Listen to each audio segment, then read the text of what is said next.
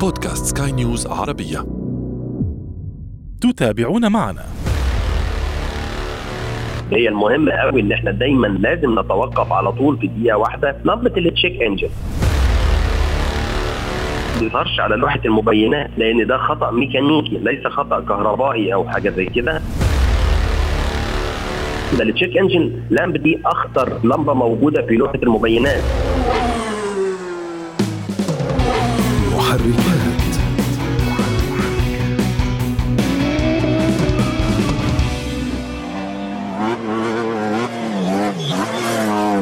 أهلا بكم مستمعينا في محركات برنامج البودكاست الذي يهم كل من يقود أي نوع من المركبات أو حتى يجلس فيها. نحن هنا نهتم بتقوية ثقافة المركبات لديكم وفي كل حلقة نفتح أحد الملفات ولا نغلقه قبل أن نصل إلى نتيجة وتوصيات. أعده وأقدمه لكم أنا أشرف فارس عبر أثير سكاي نيوز عربية.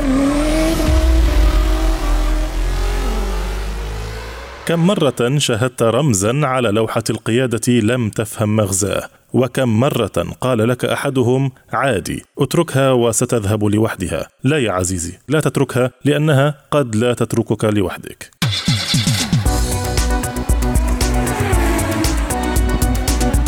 عين الخطأ عندما تهمل مركبتك، فكالإنسان إذا أهملت علاجه سيتفاقم مرضه، وكذلك المركبة إذا أهملت صيانتها ستكثر شكاويها وتنتشر فيها الأعطال، وكأنها المرض العضال. وكالأطفال المركبة تتحدث بلغتها الخاصة، إما أنها تعطيك صوتا ما، أو تصدر دخانا ما، أو تقوم باهتزاز ما، وتلك علامات قد تكون في مرحلة متقدمة نوعا ما. قبلها هناك علامات بسيطة موجودة على لوحة القيادة، طالما أنها مطفأة فأنت مرتاح من زنها وإلحاحها، لكن حالما تضيء واحدة منها فهي إنذار بأن هناك أمر قادم قد لا يحمد عقباه، فحين تسير الأمور بشكل سيء مع مركبتك يجب أن تتفحص المعلومات التي تحاول الرموز الموجودة على لوحة القيادة إخبارك بها، إن كنت تفعل ذلك فهذا أمر جيد، حيث عليك الاهتمام بمعرفة ما تعنيه تلك الرموز وما تحاول أن توصله إليك من معلومات، فما هي دلالات ورموز لوحات القيادة وكيف يجب التعامل مع كل منها؟ حول هذا الموضوع ينضم إلينا من القاهرة المهندس جمال عسكر الخبير في قطاع السيارات، أهلا بك مهندس جمال. أهلا وسهلا بحضرتك وبالسادة المستمعين على راديو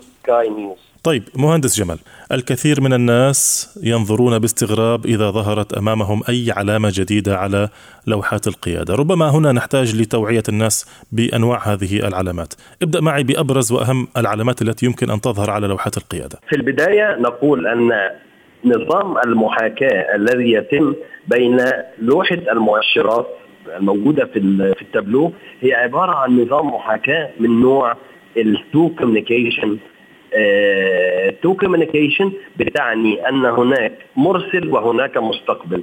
المرسل هنا هو لوحة التابلو أو لوحة المبينات والمستقبل هو قائد المركبة. وما السبب في ذلك؟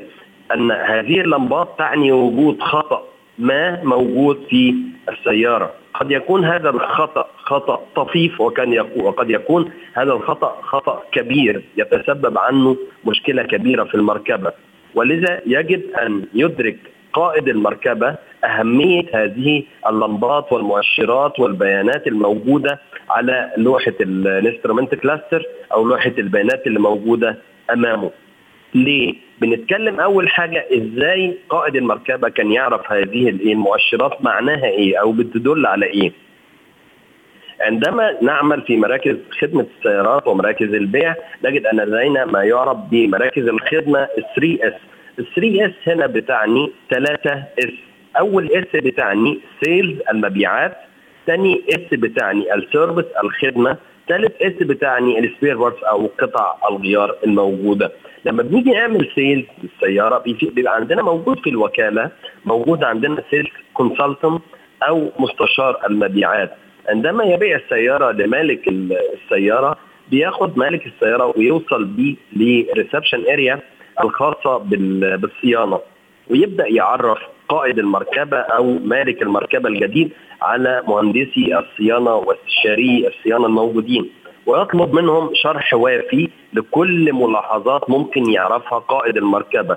بنبدأ بإيه؟ بنبدأ بالشكل الخارجي للمركبة وبعدين نبدأ نخش جوه على المركبة من الداخل ونتكلم على لوحة المؤشرات، لوحة المؤشرات من الأهمية بمكان أن يدركها قائد المركبة إدراك كامل ومع هذا نجد أنه يوجد في السيارة ما يعرف بال owner manual بال بال بال كتيب الاستخدام بال owner كتيب الاستخدام الموجود داخل داخل المركبة نقوم بشرحه لمالك السيارة ليه؟ عشان يقدر يعرف كل تفاصيل السيارة هو مش هيبقى مهندس صيانة ولكن في حاجات مهمة لازم نقول له عليها لازم نقول له أول حاجة من المظهر الخارجي للمركبة إنه لازم ياخد باله من الإطارات ونقول له على لمبة تحذير الخاصة بالإطارات ولما تظهر في لوحة المبينات ده معناها إن إحنا عندنا something wrong في حاجة خطأ موجودة في أحد الإطارات اللي موجودة في السيارة وده عمل إيه؟ ده عمل إن الضغط بتاع ضغط الإطار بدأ يقل عن المعدل الطبيعي بتاعه فيدي لك تحذير إن إحنا عندنا هنا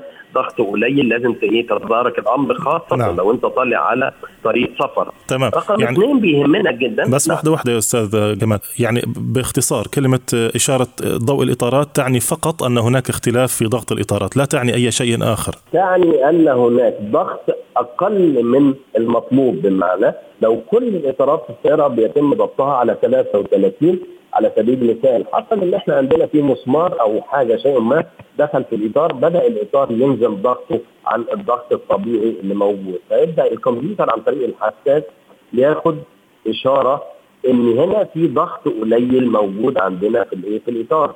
فلازم أنت حضرتك تاخد بالك من الموضوع ده لازم تبدأ تزود الإيه؟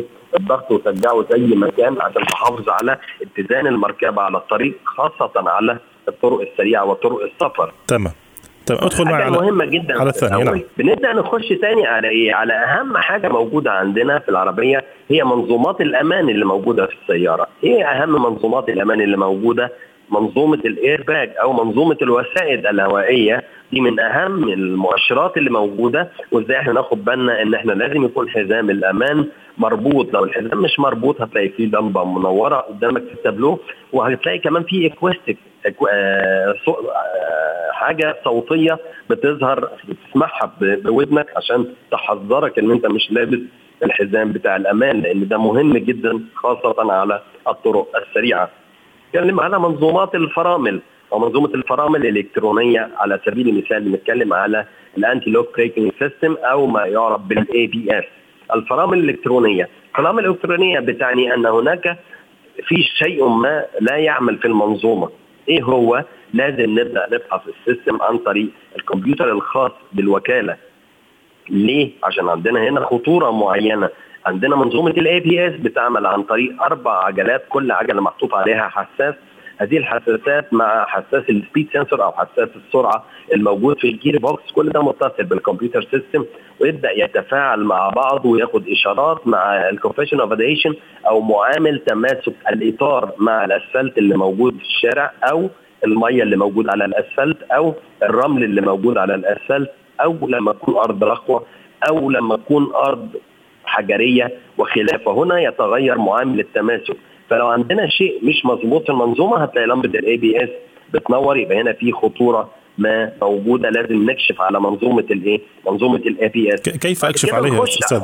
أنا أنا الآن سائق السياره بالطريق وظهرت امامي ال ABS كيف كيف أتصرف؟ لازم تتجه إلى وكالة السيارة ليس لديك حل آخر في طرق يعني إحنا عندنا موجودة طرق يعني طرق manual عبارة عن إن إحنا ممكن نفك ال terminal الخاص بالبطارية ونركبه تاني بس هنا في منظومات لا يجب الإيه؟ العبث فيها بمعنى ظهرت عندي لمبة لازم أتجه إلى الوكيل. ليه؟ هيبدأ يحط الكمبيوتر الخاص بالوكالة على الكمبيوتر بتاع السيارة ويعمل فحص شامل لل system. ال system هيقول له إن إحنا عندنا ال ABS في خطأ معين قد يكون هذا الخطأ temporary خطأ مؤقت.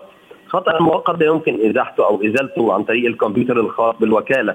ممكن يكون خطأ دائم في قطع في الحساس الأمامي يمين الأمامي شمال الخلفي يمين الخلفي شمال. بيحصل إن يحصل أي مشكلة ما فيقول لك آه والله الحساس الأمامي يمين بايظ أو الكابل بتاعه اتقطع أو في حاجة خبطت فيه فلازم إيه لازم نغيره. حضرتك بتاخد وقتك في الوكالة بيقول لك إن ده يستحمل وقت في حدود النص ساعة إلى ساعة إلا ربع. بتقول حضرتك يكون عندك وقت okay بتسيب العربية تاخد نص ساعة وتطلع لك العربية زي الفل ما فيش فيها أي مشكلة. تمام. الحاجة الأخطر من كده اللي هي المهمة قوي إن إحنا دايما لازم نتوقف على طول في دقيقة واحدة لمبة ال check engine check engine lamp دي لمبة بتبقى صفراء أو بتبقى حمراء ايا كان كل منظومة ليها شكل. بنبص عليها اللمبة دي يبقى في عندي مشكلة. وإحنا لازم نقول إن كل المشاكل اللي بتطلع في لوحات المبينات دي كلها خاصة بمنظومات الكهرباء. يعني لو في منظومة ميكانيكية أو حاجة فيها مشكلة لا تظهر لكن هنا كل ما هو متصل بالحساسات الإلكترونية والكمبيوتر سيستم كله بيظهر عن طريق لوحة المبينات. لكن في حاجات لا تظهر عن طريق اللوحة زي ما إحنا بنشوف بمعنى إن أنا ماشي على طريق والطريق ده مثلا طريق حجري أو حاجة عديت على بلوعة عديت على حاجة خبطت مثلا على سبيل المثال خبطت خط البنزين اللي ماشي من تحت في بطن السيارة من من الأسفل. لو إحنا عندنا منظومة زي منظومة خطوط المواسير بتاعة الخاصة بالبنزين على سبيل المثال اللي بتجيب من التانك من ورا وبتطلع هذا من التانك تخلينا توصلنا عند مكان تاني اللي هو المكان التاني ده اللي هو بيوصل من التانك إلى أول الإيه؟ أول العربية خالص من قدام. دوت بيظهر عندنا. لا ما بيظهرش على لوحة المبينات. ليه؟ لأن ده خطأ ميكانيكي ليس خطأ كهربائي أو حاجة زي كده. فده ما بيظهرش. ده ممكن نحسه بخاصية الشم نشم إن في ريحة بنزين موجودة أو ألاقي المؤشر بتاع البنزين عندي بيبدأ ينزل جدولي بشكل كبير جدا قدامي. فلازم آخد بالي إن أنا عندي في عيب معين ظهر يعني يعني في الإيه؟ في العربية. يعني عشان نستوضح نقطة إنه علامة التشيك انجن وأي علامة بالأحرى تظهر على لوحة العدادات هي مرتبطة بشيء كهربائي بحت وليس ميكانيكي صح؟ بالضبط بالضبط بالضبط كده. كل ما هو حساسات. طيب نعم. جميل. ال check engine هذه علامة يعني آه، مبهمة محيرة للكثير من الناس. هذه بالذات عليها الكثير من اللغط. الكثير من الناس يقولون طبعا. لك يعني اتركها اتركها بتروح لحالها. لو فيها شيء مهم حيبان. ماذا تعني ال check engine أو ما هي الدلالات التي تؤدي إليها؟ لا لا لا لا لا لا مش ما نقدرش نقول ده. ال check engine lamp دي أخطر لمبة موجودة في لوحة المبينات.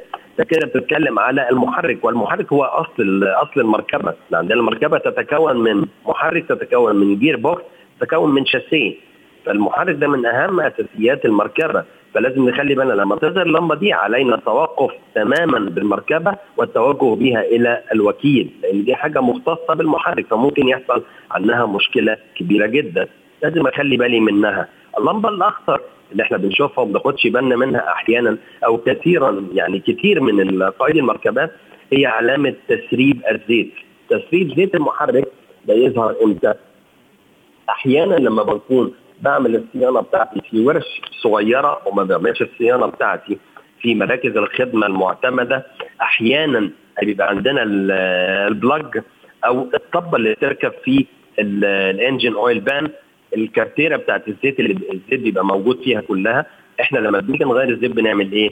بنرفع العربية نفك الطبة دي أو ال plug بنفكه. يبدأ الزيت ينزل بالكامل. يبقى عندنا في washers أو وردة الوردة دي بنحط بنغير الوردة ونركب وردة جديدة على ال plug ونركبها تاني ونبدأ نشدها شد على حسب العزم الموصى به في كتالوج الايه؟ الورشة.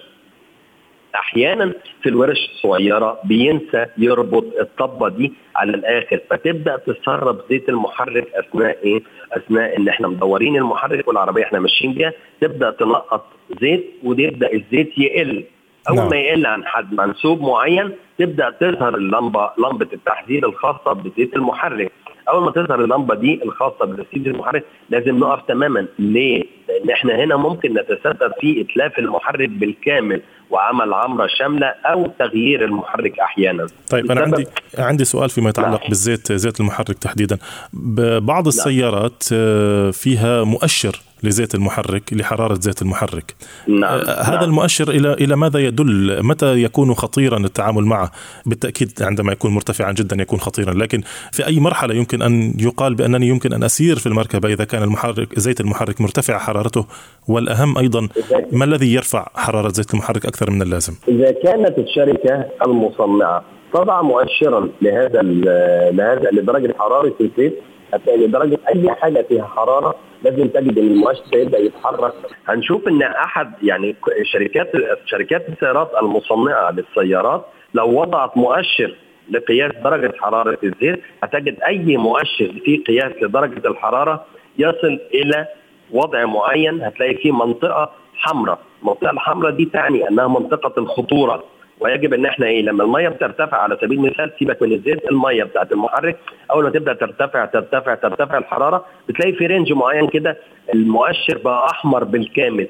ليه؟ بيدل على إن أنت دخلت في مرحلة الخطورة الكاملة. يعني لازم تتوقف عندك شيء ما تالف لازم تقف عشان تشوفه. نفس الموضوع بالنسبة للزيت. هي أي موجود سائل موجود عندنا بيصل إلى درجة حرارة الغليان أول ما يوصل لدرجة حرارة الغليان لازم هنا بيحصل إيه توقف المروحه بتشتغل الثرموستات بيفتح في حاجات كتيرة جدا بنبدأ نشتغل عليها عشان نبرد الجزء اللي إحنا عايزين نبرده زيت المحرك بيتبرد عن طريق إيه؟ عن طريق مية التبريد اللي موجودة فين؟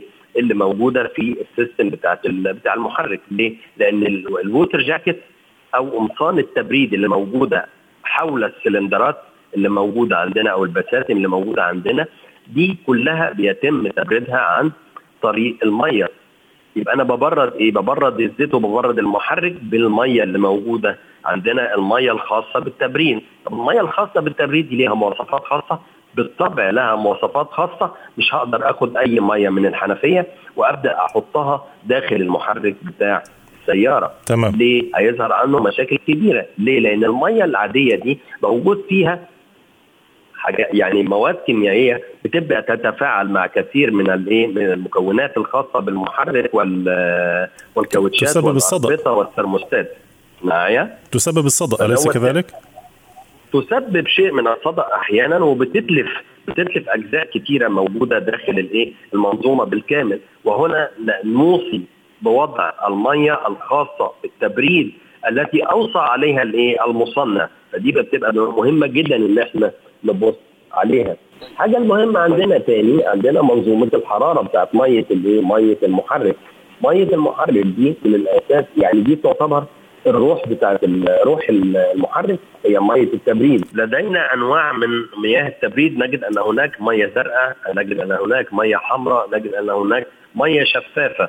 إحنا ليه الشركات بتبدأ تحط ألوان على المية؟ عشان عندما ي... ي... نجد أن هناك تسريب معين نجد إن التسريب ده ماشي بلون المية أحمر كان أو أزرق أو كده فيبدأ سهل جدا على أي حد بيشخص العربية إن هو يعرف إيه المشكلة اللي موجودة المية دي جاية منين بالظبط عشان إيه؟ عشان يبدأ يحدد المكان اللي جاية منه المية ويبدأ يعالجها. فده مهم جدا إن إحنا نخلي بالنا من المؤشر بتاع مية الايه مية الرادياتير. عندنا كمان حاجة ثانية اللي هي مية المساحات بتاعت الإزاز. نعم. مية المساحات دي بتظهر عندنا فيها مشكلة إمتى بالذات لما يكون عندنا وقت الشتاء؟ طب هنا بتظهر المية منين؟ المشكلة بتظهر فين؟ إن أحيانا بتكون العربية يتم تعرضها لحادث على الطريق مثلا في الرفرف الأمامي جهة اليسار. هتجد لا المشكلة هنا في إيه؟ المشكلة اللي بتحصل إن بتكون هذه يعني الووتر تانك ده بيتخبط وإحنا ما بناخدش بالنا منه.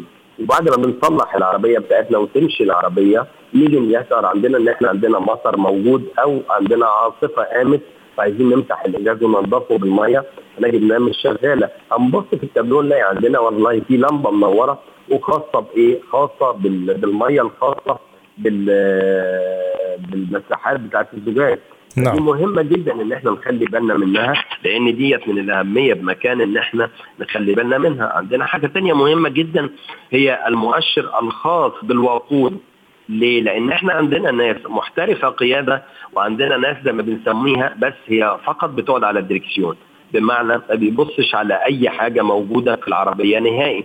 نجد أن مؤشر الوقود من أهم المؤشرات اللي موجودة عندنا وهتجد إن اللمبة بتاعت المؤشر الوقود دي لما بتنور ممكن بعديها حسب الكتالوج يقول لك إن أنت العربية بتاعتك أول ما اللمبة تنور ممكن تمشي في حدود 40 كيلو. ممكن تمشي 30 كيلو ممكن تمشي 60 كيلو على حسب المصنع بيحط لك التحذير.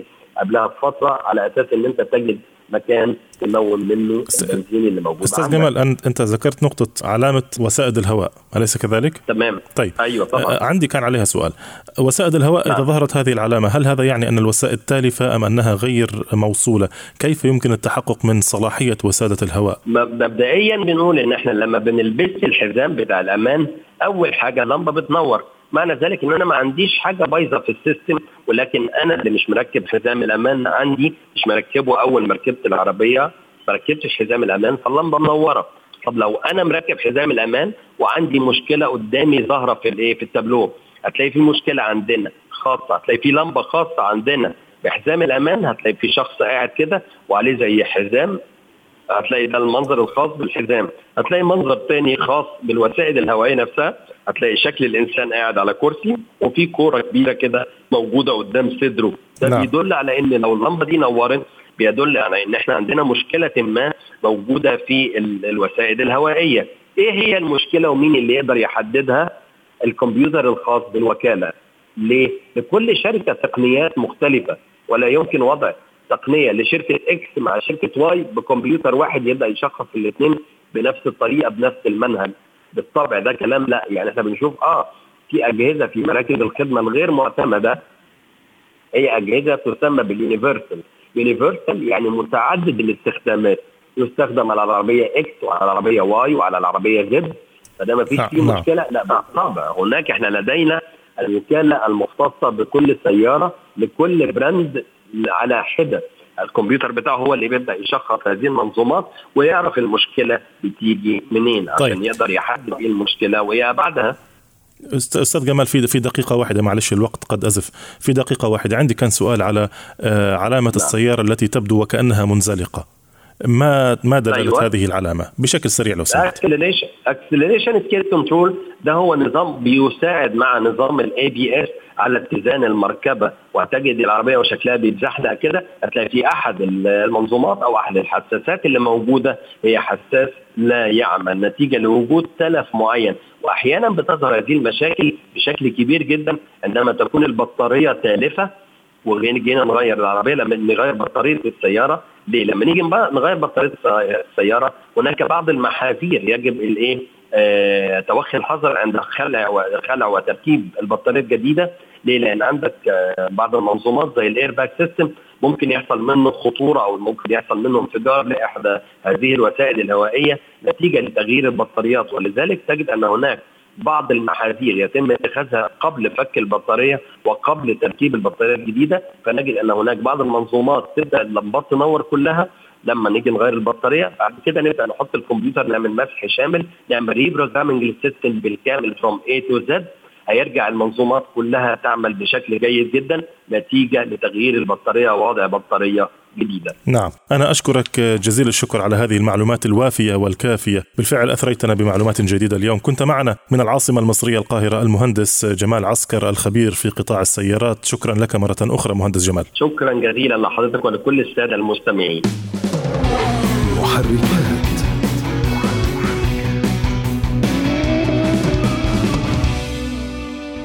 وأنتم مستمعين الكرام إذا حاز هذا البودكاست على استحسانكم يرجى منكم إعطائه التقييم المناسب. وإذا كانت لديكم أي تعليقات أو تحسينات يسعدنا أن نستقبلها دائما سواء عبر رسائلكم إلينا في منصات التواصل الاجتماعي أو أسفل هذا البودكاست. طبعا إذا كانت ميزة التعليقات متاحة كان معي في الإخراج الفني إدي طبيب. في الإعداد والتقديم كنت معكم محدثكم أنا أشرف فارس. مرة أخرى نشكركم على حسن المتابعة. دمتم دائما وأبدا. في أمان الله. مع السلامة. محركات.